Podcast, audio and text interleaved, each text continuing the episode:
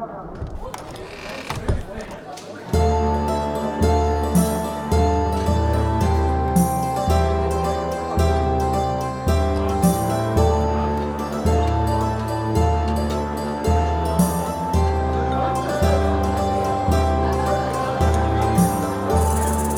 hei!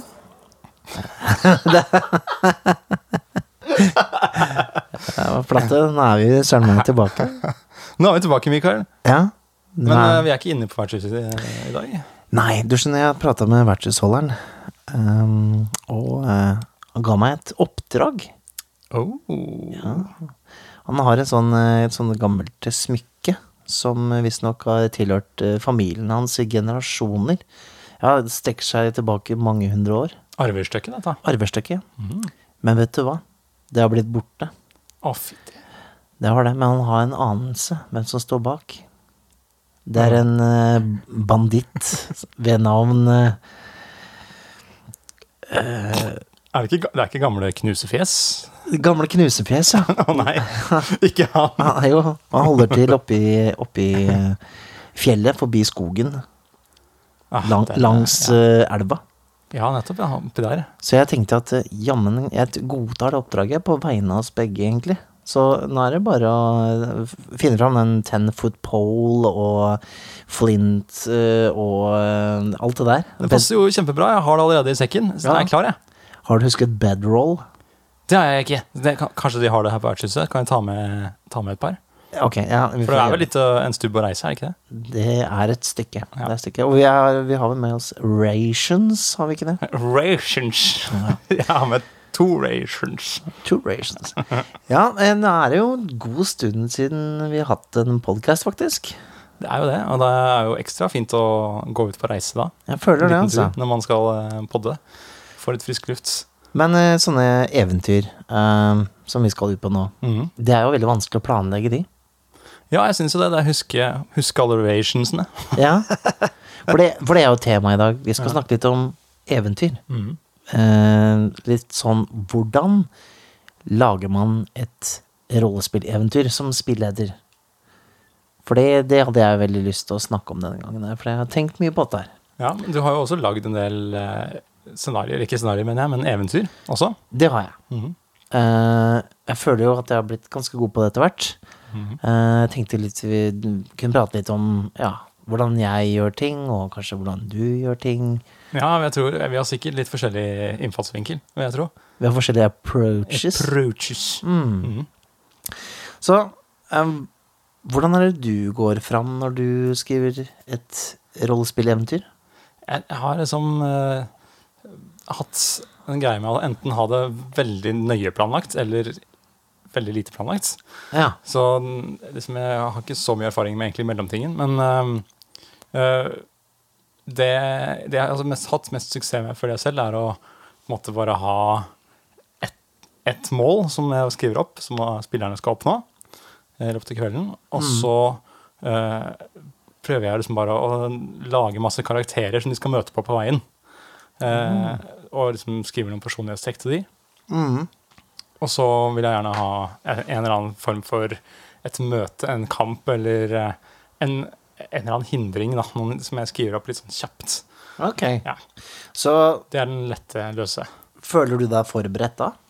Da føler jeg meg, da har jeg litt panikk. Du har litt panikk, ja?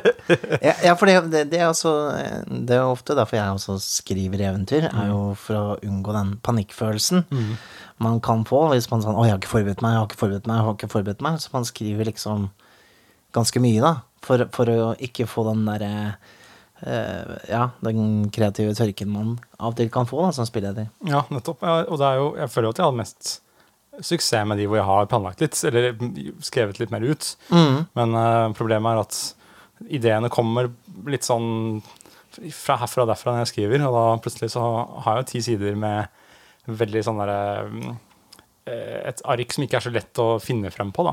Ja, ja, ikke sant. Du Skriver du det på maskinen, eller skriver du for hånd, eller hva gjør du?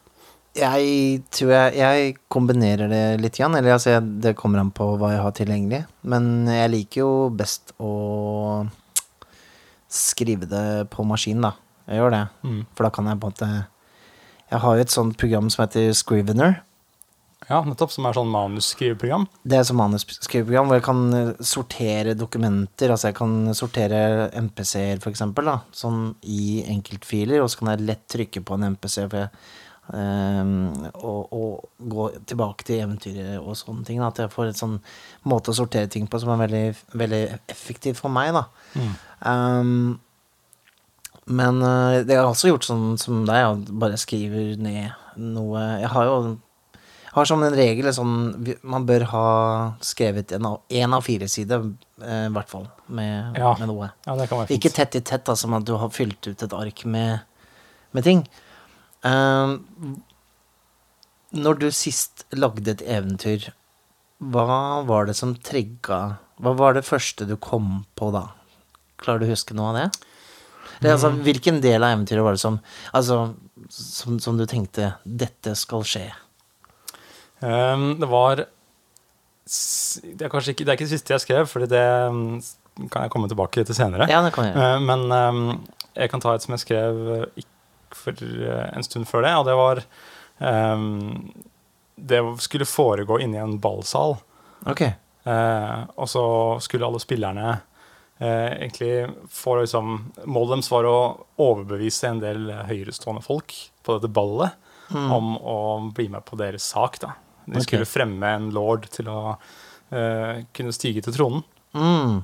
Og da, måtte, da var det en seks-syv nøkkelpersoner de måtte overbevise i det rommet, som hadde forskjellige ting de var interessert i. Riktig. Så da var det Hva var det som Var det ballsalen eller den type Var det det som trigga deg, eller? Det som trigga det, var at jeg hadde lyst til at de skulle møte alle disse forskjellige karakterene med alle de forskjellige motivasjonene, som alle Ah, okay. ville noe. Som gjorde at um, også spillerne kunne bli kjent med byen og hvordan den fungerte, og hvordan uh, forholdet mellom kreftene i byen fungerte. Mm. Fordi ikke sant, når de ser at eh, han som driver med korn og har mølla og liksom er storkaren som har alle jordene utenfor byen og sånt, Mm. at han eh, ikke er interessert i at denne nye lorden skal opp på benken, så har han en grunn til det. ikke sant? Og så finner de ut av motivasjonene deres og hva slags renkespill som foregår der. Så det vil si at det du tenkte, var at du ønsket et eventyr som skal introdusere masse NPC-er som egentlig skal fortelle mer om settingen. Ja, på en måte og det blir et få dem inn der. Og, og det var egentlig formålet med eventyret. Kanskje ikke det å få den lorden opp, egentlig. Ja. Altså, altså, det er en storyting, men kanskje formålet for, for deg som spiller, det var å få folka mer inn i settingen.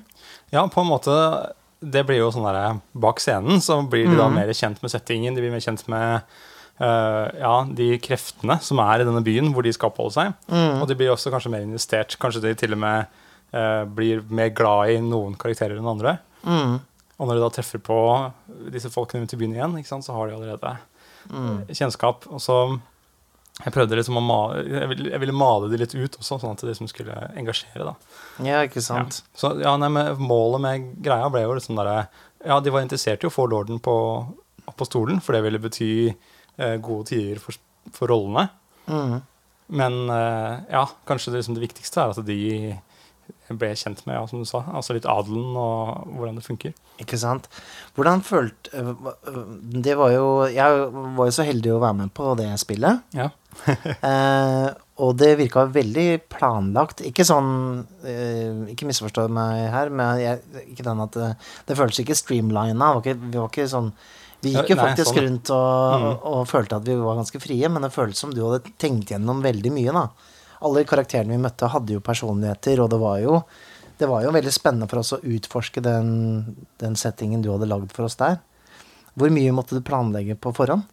Uh, jeg, jeg planla La oss si jeg hadde to, to tre av fire sider. da. For jeg hadde ikke planlagt f.eks. layouten til hvordan det skulle se ut der. Nei? I, denne, i, denne, i dette borgen, borgen eller slottet eller hva det var.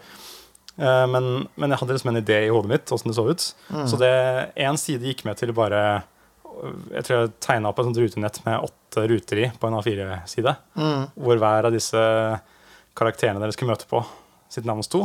Og Der sto det liksom hva slags dialekt de hadde, hva slags quirk de hadde, hva slags um, Hva som ville overbevise dem til å bli med på deres lag, Ah, og hva som ville liksom fornærme dem. Ok. Så det var liksom derre hvem, hvem er dem? ikke sant? Hvem er de?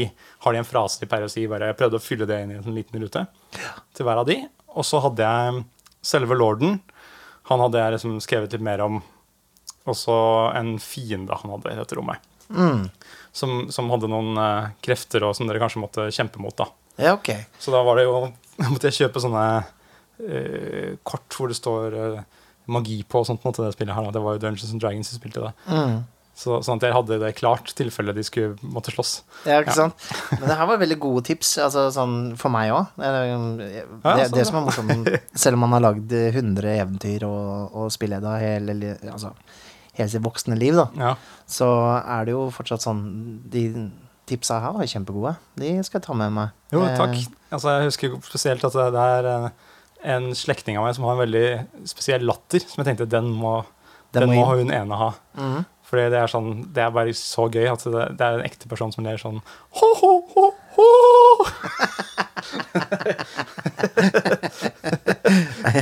Ja, men det er moro. Skingre gjennom salen. Ja, man må ta seg i bruk av litt ting man kjenner og sånn. Um, ja, jeg har kommet til et sånt punkt i min rollespillkarriere mm.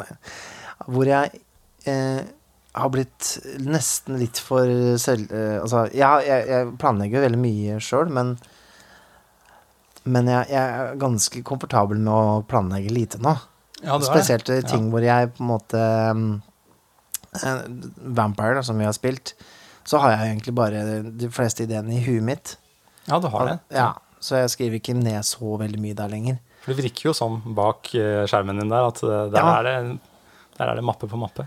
Det morsomme er når du på en måte er på jobb, eller når du går rundt fra sted til sted, og sånne ting, så er det et perfekt tidspunkt å begynne å, å tenke på eventyret du skal kjøre. Ja. Um, det, det er sånn Og da det blir jo lagra der, ikke sant? Du ser for deg scener og, og situasjoner og sånne ting. Um, og jeg har også lært meg til å Siden jeg er veldig jeg har veldig lett for å gå i sånne mm, Hva heter det? Plot holes? Altså, oh, ja. At du surrer deg inn i noen greier. ja, ikke sant? Altså, ja. hvorfor, hvorfor, hvorfor Ok, så begynner folk å stille spørsmål, og så bare Nei, ok, det hadde jeg ikke helt tenkt på. Eh, så jeg, Det er da det bare braser inn et troll inne i rommet. Ja, ja. Jeg har ja, Men jeg føler det er litt sånn programmering. At du lager eh, Først så lager du programmet ditt, men jeg lager det i huet mitt. da Og så debugger jeg det med plot, for plot holes. Ja. Sånn etterpå liksom sitter sånn og retter i koden min. Um, men ja. Jeg fikk jo litt i oppdraget her, og vi skriver jo et rollespill som heter Dragepust. Mhm. Um, og det er jo et veldig sånn klassisk rollespill, uh, sånn i fantasy-tradisjon. Um, og da skulle jeg skrive spillederkapitlet. Mhm, Altså det som lærer spillederen å spille det. Du som er den gamle, vise mann som Ja. sitter med all erfaringen og det lange skjegget oppå, oppå fjelltoppen.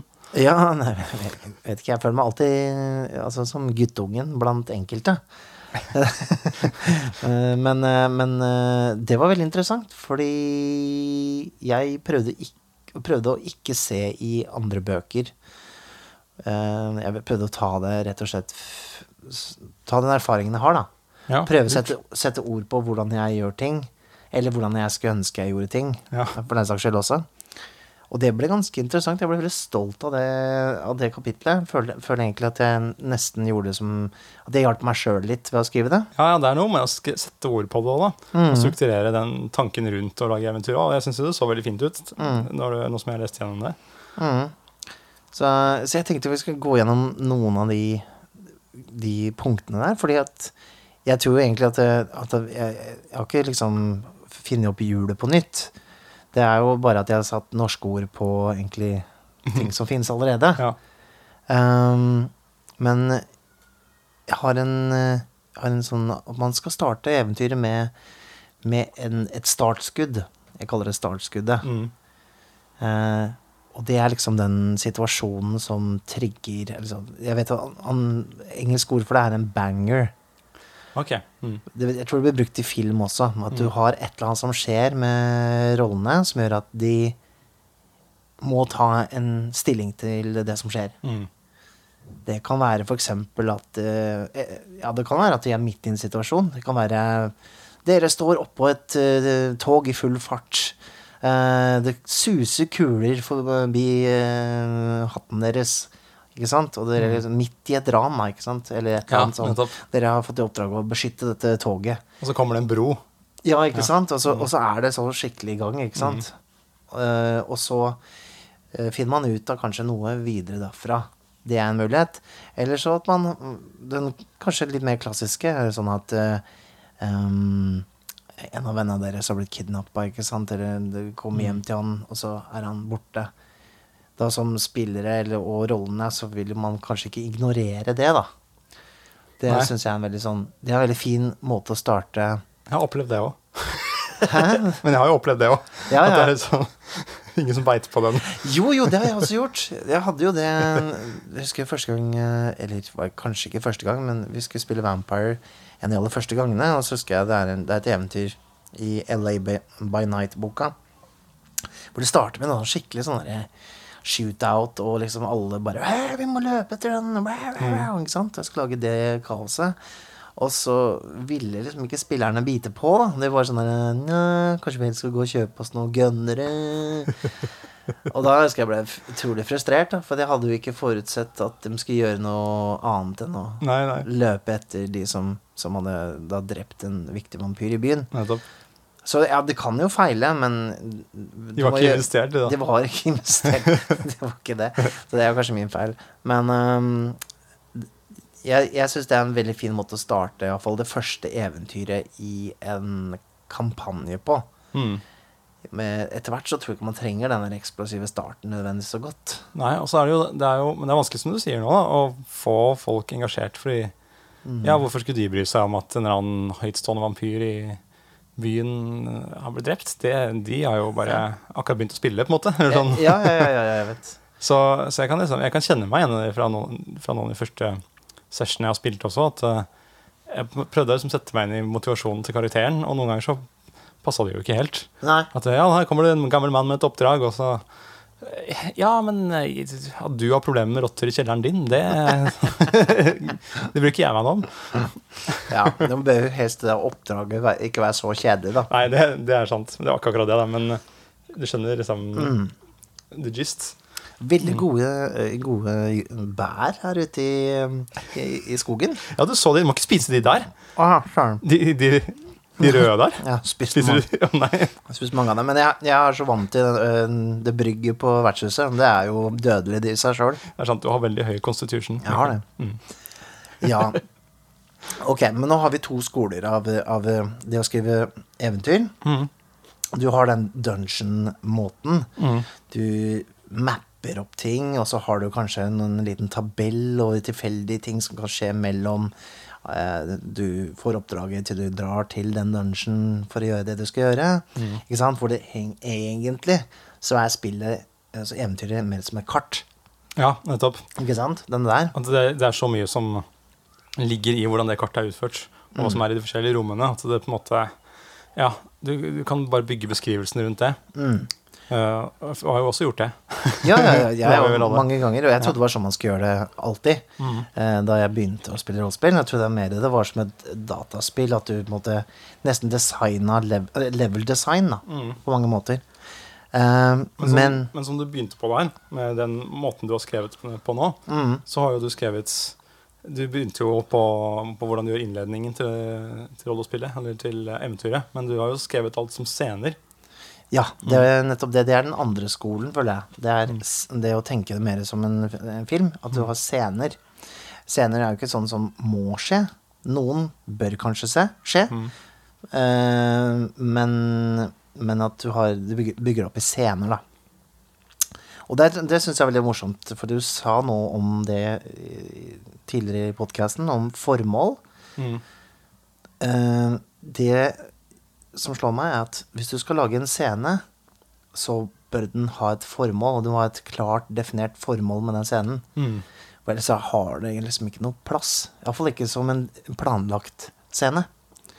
Om det formålet kan være å introdusere spillerne for eh, NPC-er i den byen de er i. Eller så kan det ha et formål om å skremme spillerne litt grann, eh, sånn at de vet hva de har å hamle opp mot slutten av eventyret. Ja. Det kan, formålet kan være å gi sympati for en gruppering uh, i i byen eller i eventyret ditt. Du må mm. tenke på, når du ser på scenene dine, så tenker jeg hva slags formål har egentlig den scenen? Kanskje sette noen ord på det. For da vet du også på en måte hva du må jobbe gjennom til, da. Altså i den scenen. Sånn, d- eh, scenen må jo slutte et sted, og da er det kanskje det må slutte når du føler at formålet med scenen er liksom skjedd. Nettopp. Og det her Jeg har jo nå prøvd Du har jo skrevet denne eh, på en måte fasiten på hvordan man Eller ikke fasiten, ikke men din, fasit. din versjon av å lage et eventyr. Ja. Eh, og så har jeg prøvd å nå lage et eventyr til, eh, til den måten å gjøre det på. Ja, det har, ikke, det har ikke jeg lest ennå, så det har, det ligger i baklomma mi her, da, vet du. Det, er, eh, det var en veldig interessant greie. Men du kan, eh, før jeg liksom går inn på hvordan jeg eh, gjorde det med alle disse, disse tipsene du har skrevet, mm. så kan vi jo bare skissere kort opp hele, hele liksom, rammeverket Ja. som du har lagd. ja, ikke sant. Ja, det, det blir jo litt komplekst, da. Uh, men eh, For du har, gått, du har da på en måte lagd det rundt scener. mhm. Hvis jeg skal hjelpe deg i gang her, holdt jeg på å si. Ja, jeg? Jeg har, vi har scener.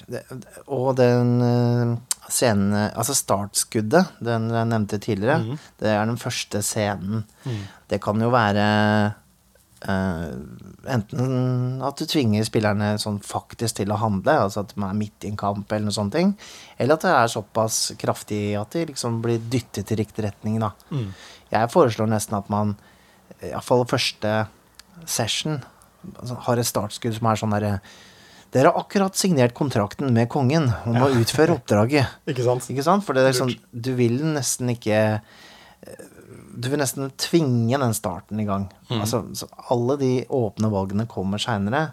Dere kan diskutere før dere spiller om hvordan type kampanje dere skal ha og sånne ting.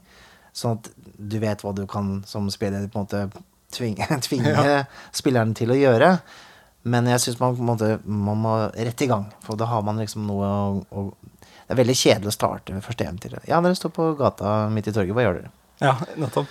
Og det er fint, Hvis du kjenner spillerne litt òg, så har du jo egentlig en kjempefordel. For da kan du, hvis du vet litt hva som trigger folk, Ja. kan det f.eks. være bare at eh, ok, alle, eh, alle tingene til eh, Lars her er stjålet. Mm. Og så vet du at Lars, han, han var ikke deg òg. så han kommer til å følge det sporet. Ikke sant, ikke sant. Um, jeg har skrevet en del ting uh, hva jeg syns en scene skal inneholde. Skal mm. vi se her Jo. En scene består alltid av et formål, det har vi Mhm. allerede nevnt. En lokasjon, og det kan være enten en bestemt lokasjon eller et ubestemt sted. Mhm. Eh, Det er rett og slett ja, det, Vi kan komme litt tilbake til det. Mm. Omgivelser. Ikke det samme som lokasjon, for lokasjon er på en måte hvor i verden på et kart det er. Mm.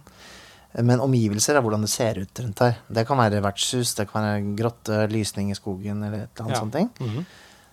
Og så har du som regel én eller flere biroller i scenen, og en sceneslutt. Nettopp. jeg skrevet. Vi kan begynne med lokasjon, da. Eh, For vi har allerede snakket om at en scene bør ha et formål. Mm. Men også skal ha en lokasjon. av, tenker jeg da et sted på kartet mm. i den verden du har. Det kan også være helt ubestemt, mener jeg da. Ja.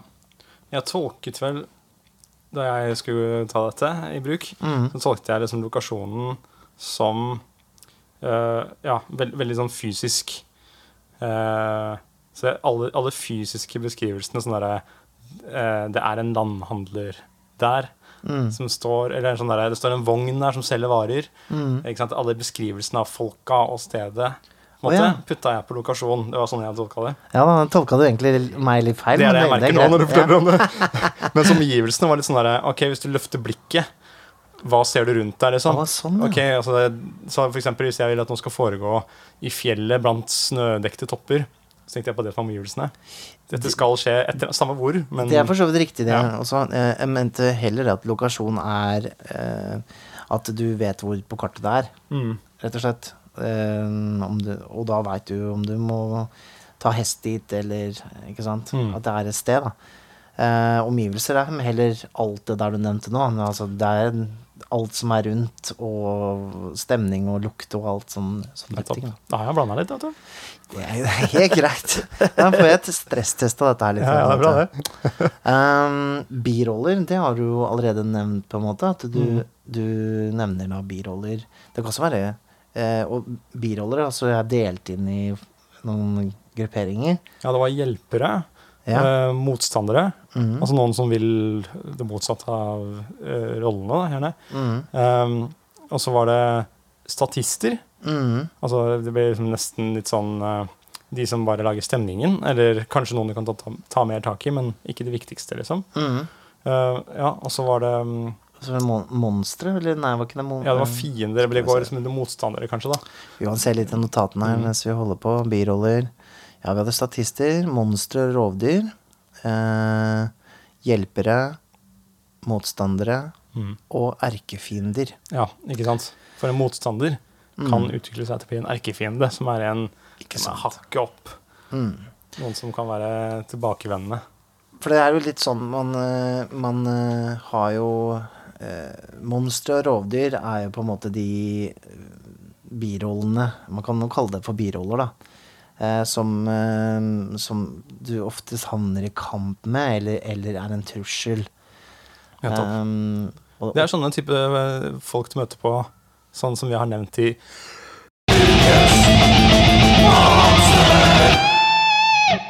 Ja, det er typisk de. ja. Um, hjelpere er jo de som, eh, som hjelper deg videre, gjerne. Som Mm. har noen tips, eller som du kan gå og snakke med for å komme deg videre i eventyret. Eller, er Gandalf i Ringenes herre og Ja, Elrond og de gutta der. alt det der. Mm. Um, og så har vi da eh, motstandere. Det, det, det regner jeg mer som Istedenfor at det er monstre og rovdyr, så er motstandere mer de som faktisk Altså menneskelige motstandere. Ja. De som på en måte Som ikke bare er en trussel eh, for å drepe deg, bare, men det kan også være en sånn intelligens eh, Noen du gjør diplomati med, Mm. men de ønsker deg liksom, i utgangspunktet deg ondt, da. Eller slå deg. Eh, og så har jeg skrevet erkefiender. Og der syns jeg var litt eh, har, har litt å si om erkefiender. Jeg syns det er smart å la erkefiender i et rollespill komme naturlig. Mm. Fordi man kan jo si man har en erkefiende. Eh, jeg hater den personen så og så mye. Mm. Når man lager rolle. Men er det ikke bedre å faktisk i spillet eh, hate en NPC så mye at du bare Å ja, det her ble erkefienden vår. Ikke sant? Fordi- Kanskje det viser seg at han er litt sterkere enn det vi trodde. Ikke sant? Så jeg anbefaler dere som, eh, som skriver eventyr, kanskje ikke definer den store slemmingen kanskje med en gang, men la det komme litt sånn naturlig. Mm. Og Du kan jo alltids jobbe for at en skal bli en erkefiende. Mm. Det er litt kjedelig hvis du har satt opp en erkefiende, og så blir liksom ikke spillerne så irritert på den likevel. Nei, nettopp. Det er ikke så gøy. jeg har, eh, det jeg gjorde med den, Erkefiender begrepet der, det var at når jeg skulle skrive dette eventyret, så noterte jeg på en ehm, en av de eh, motstanderne spillerne skal møte på. eh, potensiell erkefiende i neste eventyr. Ja. At eh, her kanskje det, liksom, de har møtt på noen som kan bli mer irriterende, kan bli et problem senere, hvis du ser at spillerne ikke liker denne, Ikke sant? denne personen. Da. Ja, ja, ja. Ja, det er kult. Um, og så har man jo sånn scen... Altså nå er vi ferdig for så vidt med biroller. Mm. Man har jo da også en um, en sceneslutt. Det er jo Nettopp. når scenen eh, hva, hva som trigger slutten på scenen, da. Det er jo gjerne knytta til formålet med scenen. Veldig lurt å bare faktisk skrive det ned, fordi selv om det er én setning, så er det den derre Hva gjør at scenen er over? Hva, Mm. liksom, eller om det er én ting, eller om det er tre-fire ting, men i hvert fall et eller annet som gjør at nå går vi videre.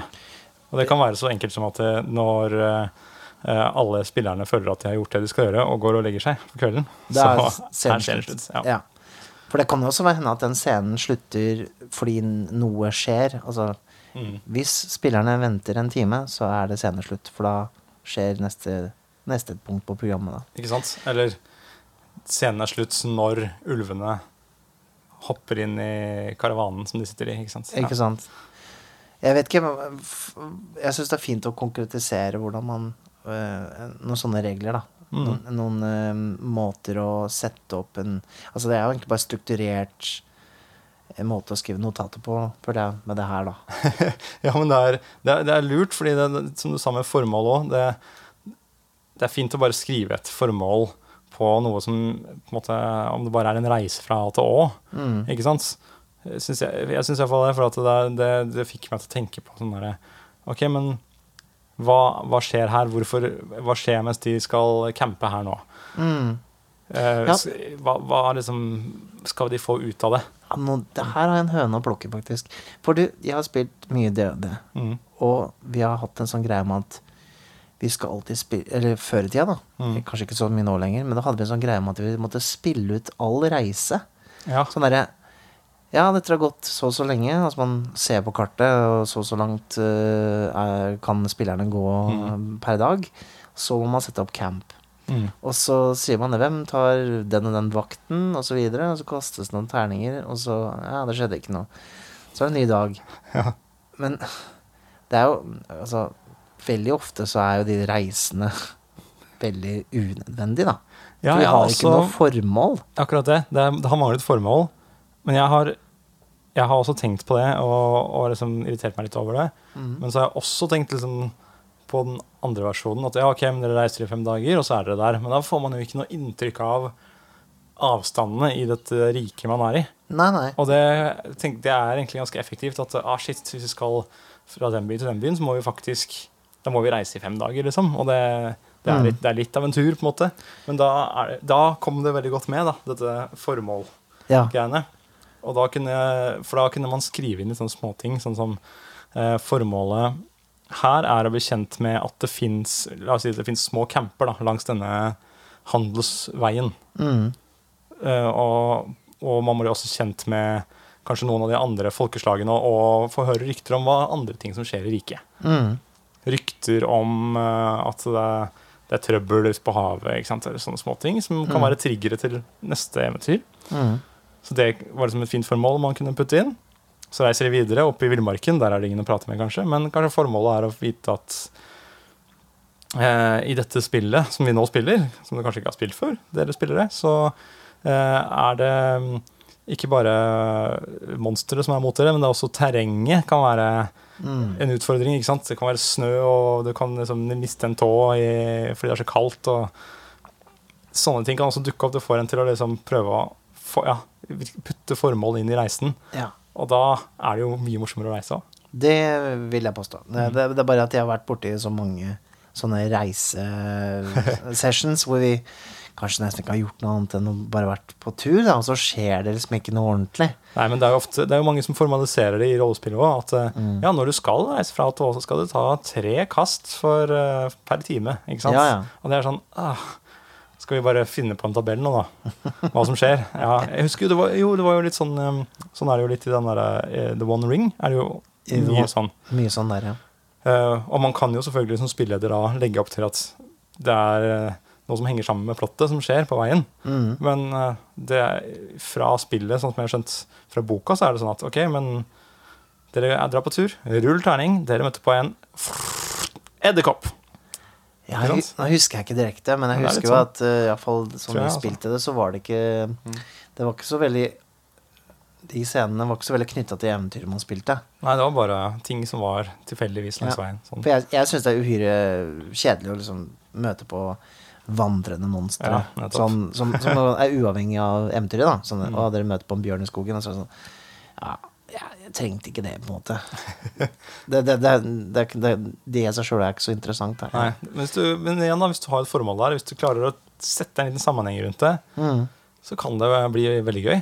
Hvis den bjørnen derimot hadde vært veldig sykelig og liksom og utsulta, Mm. og vi hadde funnet et, eh, et sånn orkisk spyd inni sida på den, så hadde vi skjønt at her er orker i nærheten som har får pest av den. Ja, nettopp. Kanskje den, har, ja. Kanskje den har en sykdom som driver og går i landet om dagen. Da hadde vi hatt et formål. Det hadde ikke bare vært for å liksom hale ut tiden, da, Mm. som jeg føler kanskje sånne ting ofte gjør. Det er jo et dårlig formål, da. Å hale ut tiden. Ja. Det syns jeg. Da merker du det selv når du skriver det ned. Bare, Mm. dette, dette holder jo ikke. Når det gjelder eh, scener Nå har vi snakka om sceneslutt. Eh, Ja. Vi har vel kanskje ikke snakka så mye om omgivelser, men det er jo litt sånn Ja, du kan kartlegge det, du kan skrive noen stikkord om hvordan det lukter der, hvordan, Mm. hva som er der. Hvor, eh, ikke sant? Man kunne skrevet ned en beskrivelse man skal lese opp for spillerne, men det jeg, ikke, jeg orker ikke det. Mm. Nei, det, det er fint å ha noe som appellerer til sansene, i hvert fall. Mm. Det er jo mange som har gitt det som tips, og det fungerer veldig fint, syns jeg. Og det, ja, man beskriver litt forskjellige ting. Som, altså noe som lukt, hvordan lukter det, hvordan ser det ut, hvordan Mm. høres det ut? Ja. Hvordan kjennes det når du kommer inn i rommet? Hvordan er bakken? Ja. Eh, hvordan er liksom eh, været? Mm. Altså, mye sånne type ting. Du kan Hvis du har bare skrevet det ned, så er det vel mye lettere å på en måte For jeg, som spilleder så pleier jeg å eh, Jeg gjør vel litt, litt sånn derre Jeg beskriver det jeg skal beskrive, Mm. men så ser jeg litt an om noen avbryter meg. Mm. For hvis de ikke gjør det, så kanskje jeg fortsetter å fortelle litt. Ikke sant? Nettopp, Ja. Og så, og så dropper jeg ut når noen tar over. Så hvis du har sjenerte spillere, så er det monolog. Så blir, så blir det solorollespill for meg. Ja, men altså, jeg vet ikke jeg, jeg, jeg, Ok, la oss si Man har en del sånne, sånne ting da man kan beskrive. Og så kanskje du sorterer det etter viktighet. da Mm. Du kan liksom begynne med faktisk å beskrive husene og, og, og, og de faktisk synlige omgivelsene. Og så kan du gå litt lenger ned, ikke sant, så skriver du sånn derre Noen bier surrer forbi. Ja, ja. Noen fugler flyr over horisonten. Og så kan du komme inn med det etterpå, da. Ikke sant? Når liksom eh, Ja, du venter litt på svar, og kan du fortsette, da. Ja, det er fint. Ja, det er lurt å se han også.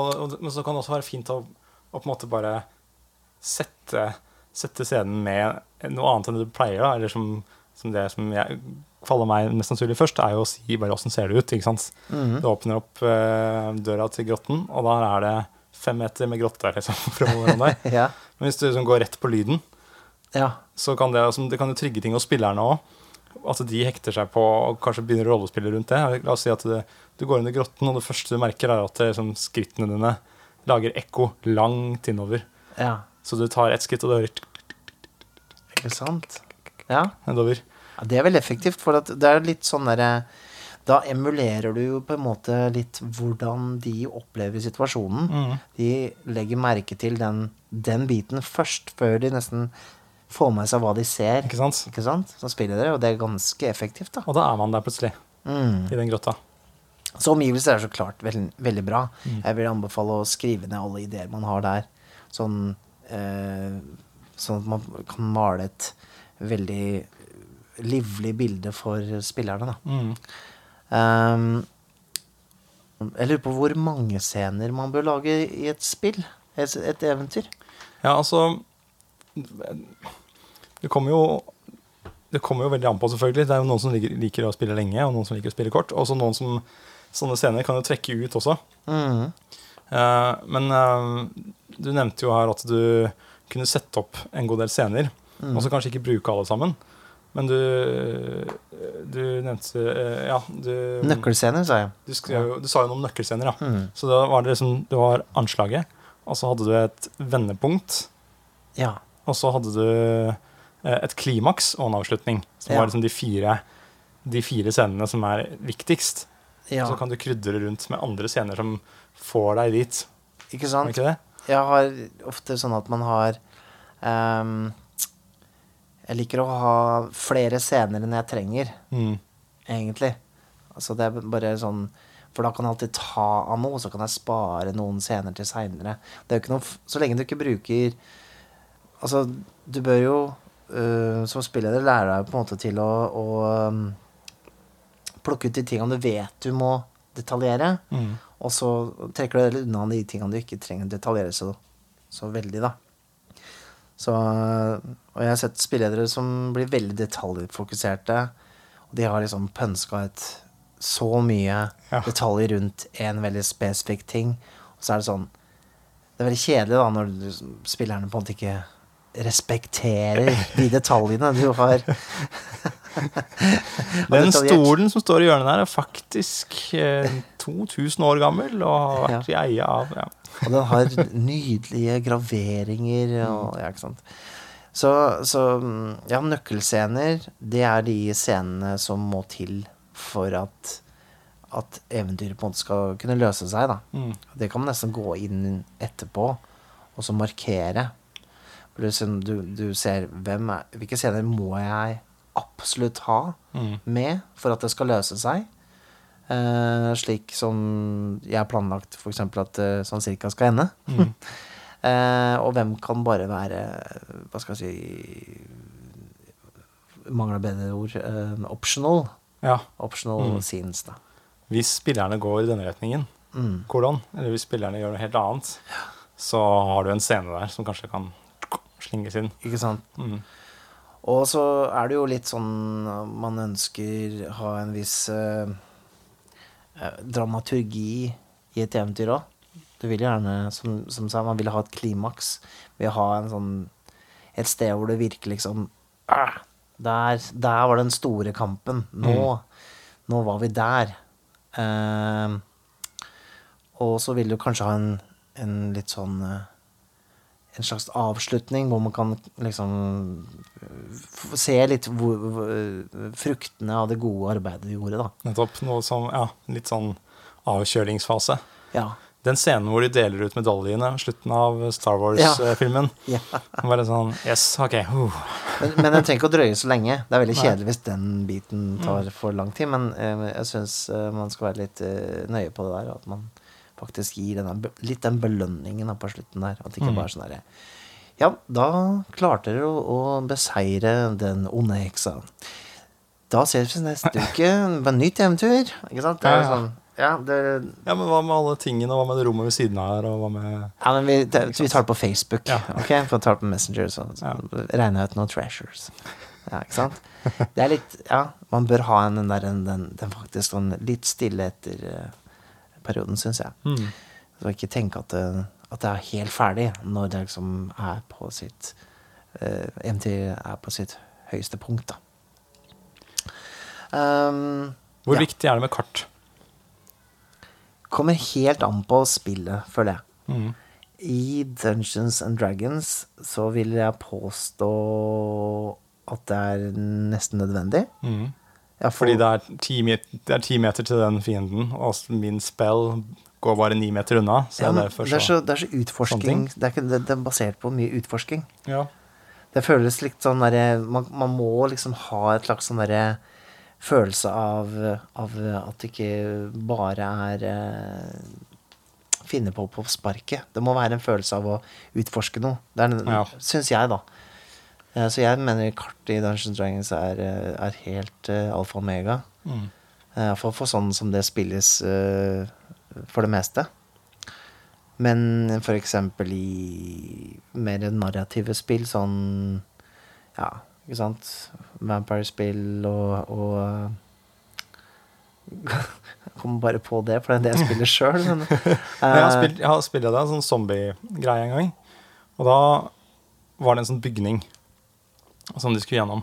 mm, Uh, og da behøvde jeg ikke å planlegge noen rom. Fordi det jeg gjorde, var at hver gang de åpna en leilighet, så så jeg bare for meg en leilighet til en kamerat. Oh. For det var jo nåtidsspill, ikke sant. ja. Så da var det bare OK, da, jeg vet jo åssen det ser ut der. Vært der 100 ganger. ikke sant? ja. Kjempelett å beskrive. Ok, det er uh, Du kommer inn, og det er en stor gang Mm, som er nesten svært kvadrat. Og så rett inn til venstre så er det et kjøkken. Der er det rotete, ikke sant? det er bananfluer der. Du kan bare Det kommer sånn Jeg syns han kameraten din burde rydde. Ja. Gå ut med søpla av og til. Ja, men det, er, jeg synes det, det funka veldig bra i sånn nåtidssetting. i hvert fall. Ja, Og så går de en etasje opp, og så bare OK, men da skal være Da tar vi Anders sitt rom ikke sant, Mm. neste gang, og det er en zombie på kjøkkenet. Liksom. Ja. Det er, det, jeg syns det funker. Um, det er en veldig, veldig bra tips, da. Um, når man spiller et nåtidsspill, og kanskje et spill hvor det er ikke så viktig. Altså Man kan si istedenfor faktisk vise på kartet hvor sentrum er, så er det sånn Nå er dere i sentrum, Mm.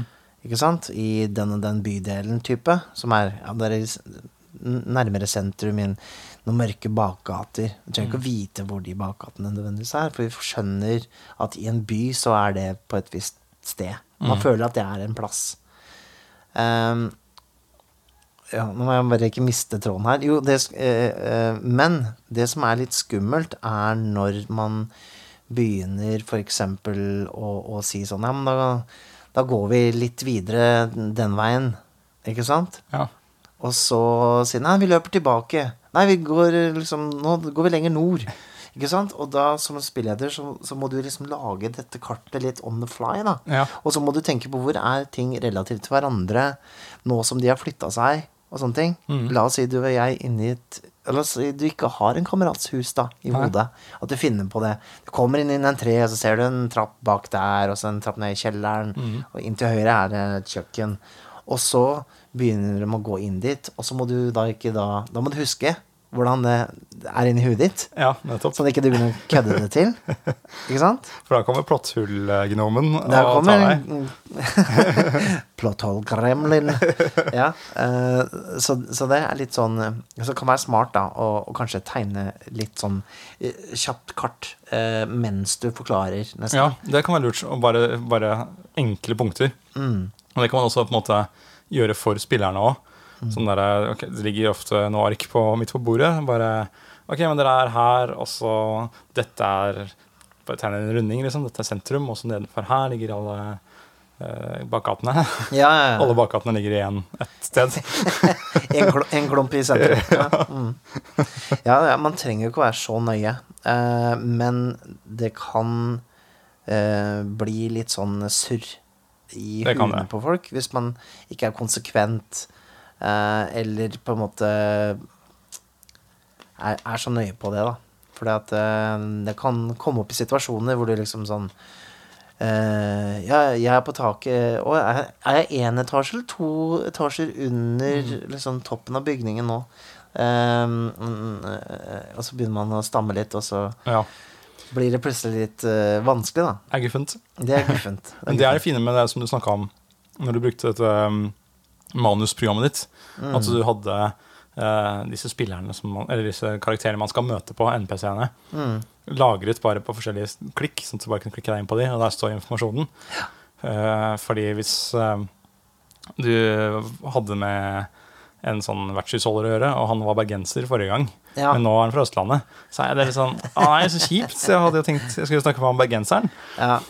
Nei, altså, det er fint å, som spilledere å lage seg noen rutiner og ha noen måte å sortere ting på. Jeg har også en tips om å eh, ha MPC-er på, på noe kort. Som eh, La oss si du har et spill som er veldig tungt på, på biroller eller NPC-er. Mm. så, så har du noe kort, kanskje finner et bilde online som kan representere den rollen. Sånn at det liksom du kan ta opp det igjen. Liksom. Og så ba baksiden her så står det noen stikkord. Mm. Sånn at du kan liksom Å, det er han der som har den bergenserdialekten. Ja, ikke sant? Han orker den her. Du har måttet lagre den i hodet ditt. Mm. Så. Så har du jo også litt sånn Og da har du jo den kortstokken tilgjengelig, da. Litt sånn derre Å ja, kanskje jeg skal trekke fram den der igjen, ja. Ja. Så gøy. Nå møter de på eh, Eva, liksom. Eller Ah, som jeg ikke har sett på fem sessions. Ja, ikke sant? Det er gøy. sånne type ting. Så dette er jo sånne ting som, som man eh, kommer seg inn i. Så hvis man spiller med deg, da, Mikael, i mange år, i forskjellige spill, Ja. så finner man ut at er det bare de samme 100 NPC-ene som går igjen hele tiden her? Nei, nei, nei. nei men jeg, jeg, jeg, jeg, jeg, jeg syns det var veldig interessant også å prøve å lage et, et, en måte å, å tenke på hvordan man skal sette sammen et eventyr, da. Mm. Fordi jeg Jeg vet ikke, med åra så har jeg på en måte også Jeg tar det veldig på fri flyt, rett og slett. Ja. Og, men, men jeg skjønner at jeg Altså hvis, skal, hvis du er ny helt ny som spilleder, kanskje skal prøve første gang å skrive til eventyr. Jeg husker jo hvor vanskelig jeg syns det var, uten å liksom Jeg følte liksom Wow. Ja, men jeg, syns også det var vanskelig første gangene. Det er sånn Hvor skal man begynne, og hvordan skal jeg strukturere det på, på siden? Synes jeg var sånn Det var ikke så lett. Så egentlig det å sette det opp som scener i det hele tatt, var litt sånn for meg sånn Å ja, ja, men det var lurt å bare ha Ja, nettopp etablere For da får jeg eh, noen naturlige chunks å skrive informasjonen i. Ja. Bare, ok, scene 1, scene 2, scene 3. Vertshuset, ute på reise, inn i skogen. Ja, ok, men da ble det litt lettere. Og så kan man ha full jumble på hver av de, men da har man i hvert fall et rammeverk. Jeg syns det er viktig. Jeg synes det er veldig viktig å ha det. Um, og nå er jeg jo også da ved å skrive et her også, Jeg tror jeg kommer til å skrive bedre eventyr framover fordi jeg nå har utvikla på en måte Ja. min egen metode. Um, jeg har også vært med på Jeg ville nevne det litt, Jan, for jeg var med å spille Fabula. Jeg spilleder Fabula eh, på noe som heter Sommerspillet. Ja, riktig. Hvor det er et opplegg som han som eh, eh, lager Fabula, eh, driver sjøl. Hvor han, det er masse ungdommer da, som har et slags sånn rollespillcamp, på en måte. Hvor man spiller rollespill en uke. Hvor var det da jeg var liten? Ja, det lurer jeg også på. Rollespill er kult nå, vet du. Det er det som er greia. Ja. Sånn det, ja, det er, Ja, folk gjør, folk gjør det liksom Ja, kule, kule kidsa driver med det. Um, men det han gjorde, den metoden i Fabula, iallfall den nyere versjonen av Fabula, um, det var at man skrev ned ti setninger eller noe sånt. Eller om det var fem, jeg husker ikke. Um, det kunne være eksempel et overraskende møte i skogen. En stor fiende. Eller ja, et eller annet sånn, sånn type, da. Eh, og så kunne spillerne velge sjøl hvilken scene de ville at skulle skje. Nettopp. Men hadde du planlagt de scenene på forhånd da, eller var det sånn at de eh, improviserte dere frem? Altså, de fikk velge fra de ganske løse scene, mm. scenene der. Og jeg måtte på en måte mm, improvisere ut ifra det, da. Okay. Jeg kunne jo så klart satt meg ned på forhånd og tenkt ut hva hver enkelt av de scenene betyr for noe. Men det var litt sånn at em, Det kan kanskje være litt smart, fordi det er jo litt sånn at La oss, si man har hatt en kjempesvær kamp, da. Og man er litt sliten. Ja. Og så skal man liksom velge neste scene, så sitter alle spillerne og ser på det utvalget som er der. Man stryker, stryker over den, der, eh, den scenen ja. hvor En kjempestor fiende. en kjempestor fiende. Og så bare sånn eh, En hjelpende hånd Mm. på veien. Åh, ja, kan vi ikke få en hjelpende hånd? Jeg, nå, er jeg så, nå er jeg jo nesten ikke noe hitpoints igjen. Så Jeg det har vært jævlig ålreit. Ja, altså, det, ja, det funka. Mm. Mm. og jeg er litt usikker på om det funka bra fordi de var 14 år gamle, eller om det var fordi eh, Altså, jeg syns det var en veldig fin måte å gjøre det på. Jeg, det, det strider jo mot uh, min hardwired uh, old guy-hjerne. Planleggingshjernen. Ja, Ja. ja, så han la liksom spillerne få den muligheten. Men det var egentlig ganske flott, altså. Mm. Så det kan også være en, en løsning. Og det, tanken er at man da rett og slett som spilleder ikke planlegger mer enn en, så å si det, da. At du skriver ned eh, et par sånne strofer, Mm. rett og slett. Og så stryker man ut de man har vært gjennom. Jeg føler at de har blitt gjennom, gjennomgått. Og så bygger man et, en session ut av det, da. ja. Jeg syns den var helt ny for meg. Ja, Absolutt. Den var ny for meg da. Ja. ja, den, den, den jeg var mest kjent med, er jo den vi snakka om tidligere her. Den derre Ok, du tegner opp uh, kartet hvor de skal, og så er liksom hele eventyret i kartet. Det er sånn der, du har første rommet, der er det uh, en stallgutt, og det er fem hester, og det er uh, Og de vil ikke at du skal være der. Hva gjør du, ikke sant? Bare sånn kampfokusert, da. Mm. Men også med kanskje eh, noen elementer som ikke Noen som bare jobber i, der på dette stedet man skal, og sånt. Mm. Men at alt er basert rundt et stort kart. Ja, ja.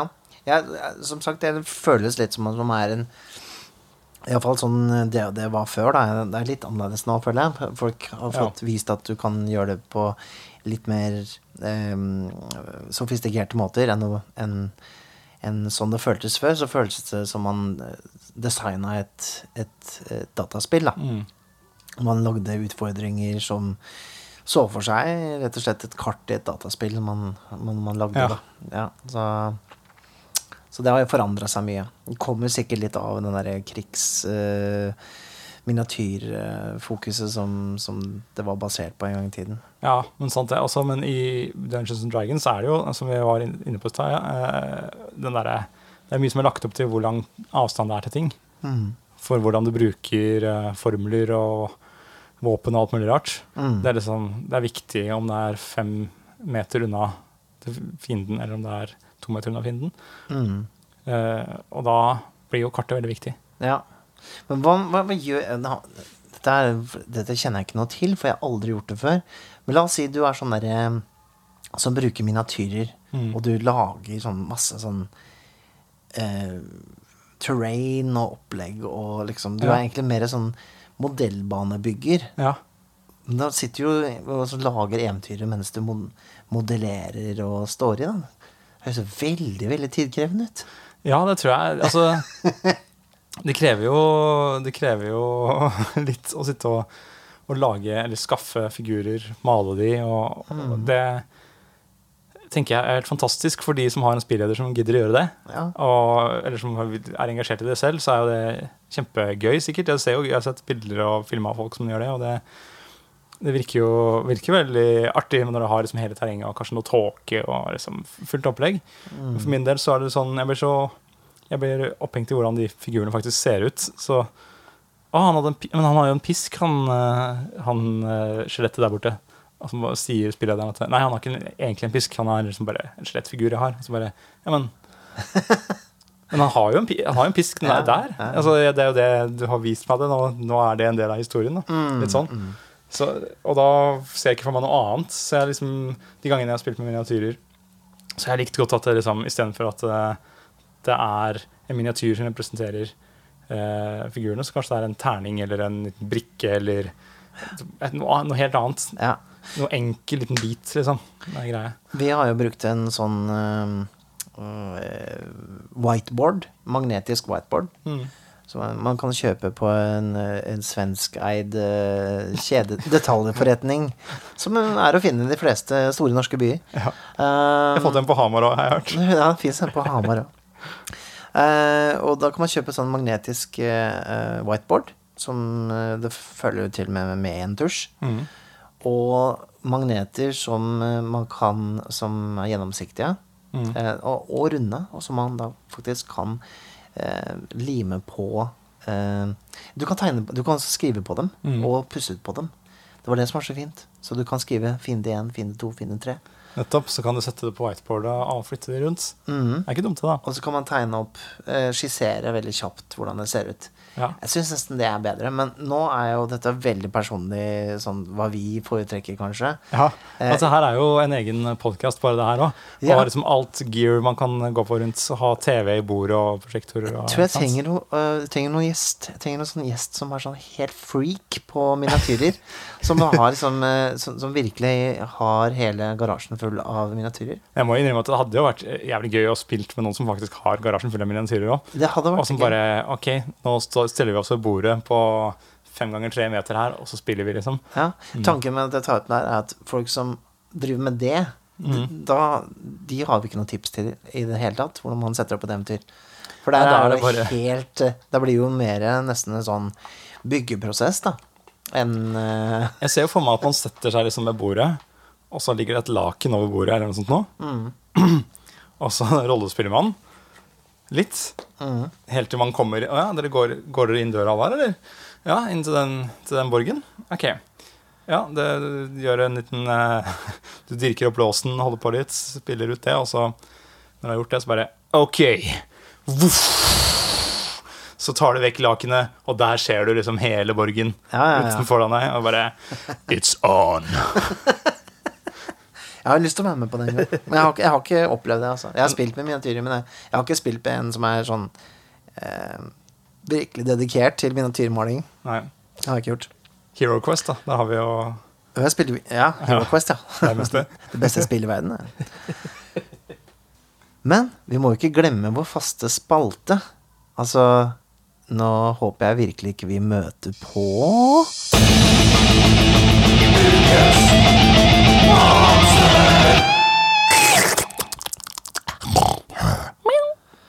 Nå bør jo vi egentlig ha podkast litt oftere når vi kaller det for Ukens monster, men eh, likevel.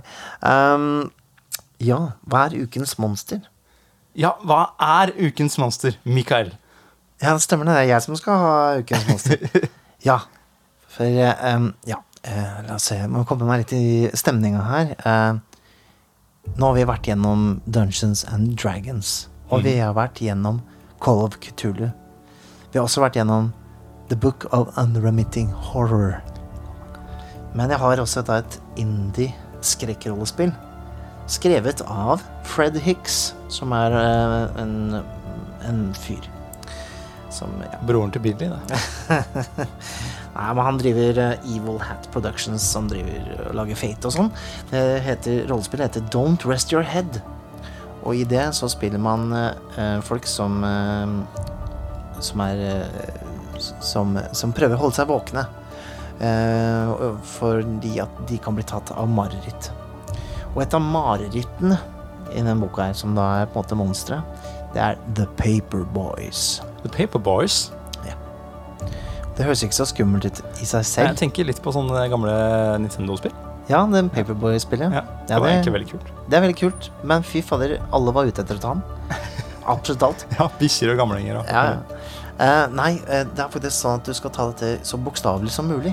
Det er faktisk uh, barn, eller som er lagd av paper. Altså Oh. okay. aviser. Så de er litt sånn origamiaktige sånn med trykksmerte og hele pakka. Mm. Og de går i sånne gjenger, som Paperboys-gjenger, basert på hvilken avis de er liksom De er spawned fra, da. Så du har liksom The Mirror, som The Mirror Boys, som går sammen og, og knitter mens de går, og sånne ting. Eh, Dagbladet. Dagbladet. Ja. Aftenposten. Aftenposten er sikkert en egen, egen gjeng, da. GD. Eh, Ja. Mens de som er eh, som Vårt Land, de er utrolig hyggelige. Ja. Um, så, så greia deres er at eh, ja, de, de jager deg og, og, og sånn i, mens du har eh, mareritt. Men de har også egne aviser de skriver. Og hvis de skriver om deg, så kan hende det skjer i virkeligheten. Oh, no! Det? Ja, det er litt skummelt. Jeg vet ikke hvor skummelt det er, men det, det er iallfall en Jeg tenkte om man jeg, jeg føler jeg må være den litt sånn derre Hva skal jeg si? Du kommer med indie-monstrene. Jeg kommer med indie-monstrene. Men når de skriver i avisene, skriver de på seg sjæl, da? Jeg vet, jeg vet ikke åssen det der fungerer. Det er bare et mareritt, da. Det, er det er ikke, det kan være logisk sånn sett. Da. Nei, jeg Er trenger, jeg trenger Ja. Men uh, ja. Beklager. Da begynte bærene Å nei, det er en paperboy! no! Da begynte bærene å fungere. RIP. Um, jo. Men, jo, men vi har da Nå har vi kommet faktisk frem til uh, eventyrets slutt. Mhm, vet, du hvordan, vi. vet du hvordan han vet det? Nei, hvordan vet du det, Mikael? For der ligger liket til han fyren som stjal den der eh, Den eh, det arvestykket. Ja, der ligger den der, ja. Ja, jeg tror han døde av naturlige årsaker. Ja, Men er det en paperboy, eller? det, det er det, ja. men, Det er bra, bra det regna i stad, da. Nei, han er helt soggy. Men det er jo nydelig. Den løste det eventyret seg helt fint sjøl. Og her står det jo faktisk her eh, på det notatet jeg har, at eh, episoden er over når dere finner liket til han som har stjålet smykkene, står det her. Ah, spennende. Så han har fulgt instruksene, Ja. rett og slett. Ja. Mhm. ja, men vet du hva, det var eh, utrolig trivelig å ha en ny episode av Vertshuset. Ja, absolutt. Jeg syns det, eh, det er så koselig å, å prate om rollespill, Mikael. Vi må, vi må ta en jeg skal, jeg skal ta en liten shout-out-runde her. Ja. For nå er det sånn Nå føler jeg vi er the OGs nå, i hvert fall.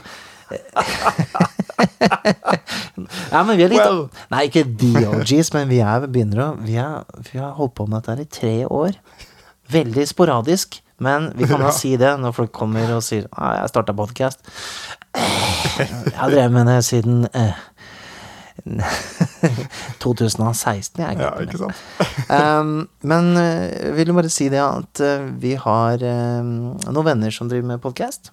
Ja. Stine, som er min eh, kjæreste, har jo starta en podkast nå sammen med sin venninne Tina. Yep, stemmer.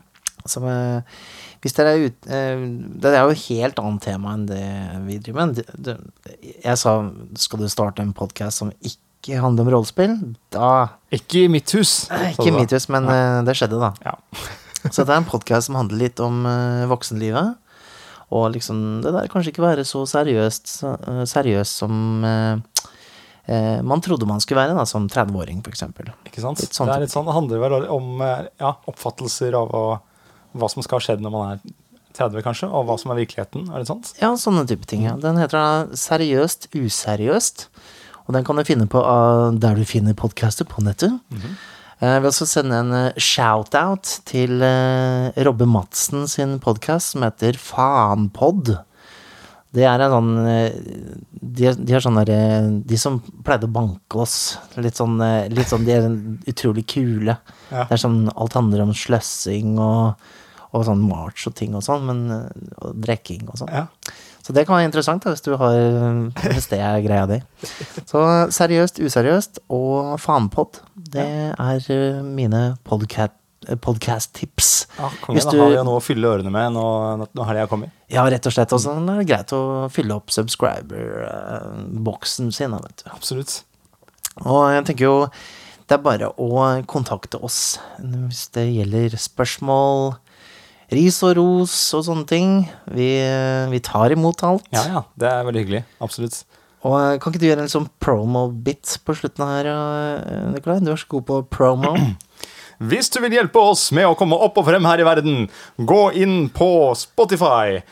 Nei, gjorde ikke vi der nå? Ja, ja, ja! ja vi Ja, vi ligger der nå! Vi Gå inn på Spotify og hør på episodene der om og om igjen på loop. Eller gå inn på iTunes og gi oss en rating og en review. Det hjelper også å bli sett der ute i verden. Wow, wow, wow. Det var, det var eh, sterke greier. Men vet du hva? Da syns jeg vi skal gå tilbake med det arvegodset til uh, vertshusholderen. Det blir, blir jo en bra belønning på oss. I hvert fall én pils hver. Ja, Kanskje vi kan spille på det der rullende harpsikorden som står i hjørnet her? Mens vi, mens vi er på vei tilbake? Høres bra ut. Ok, jeg setter i gang, jeg. Gjør det. Ha det bra. Ha det.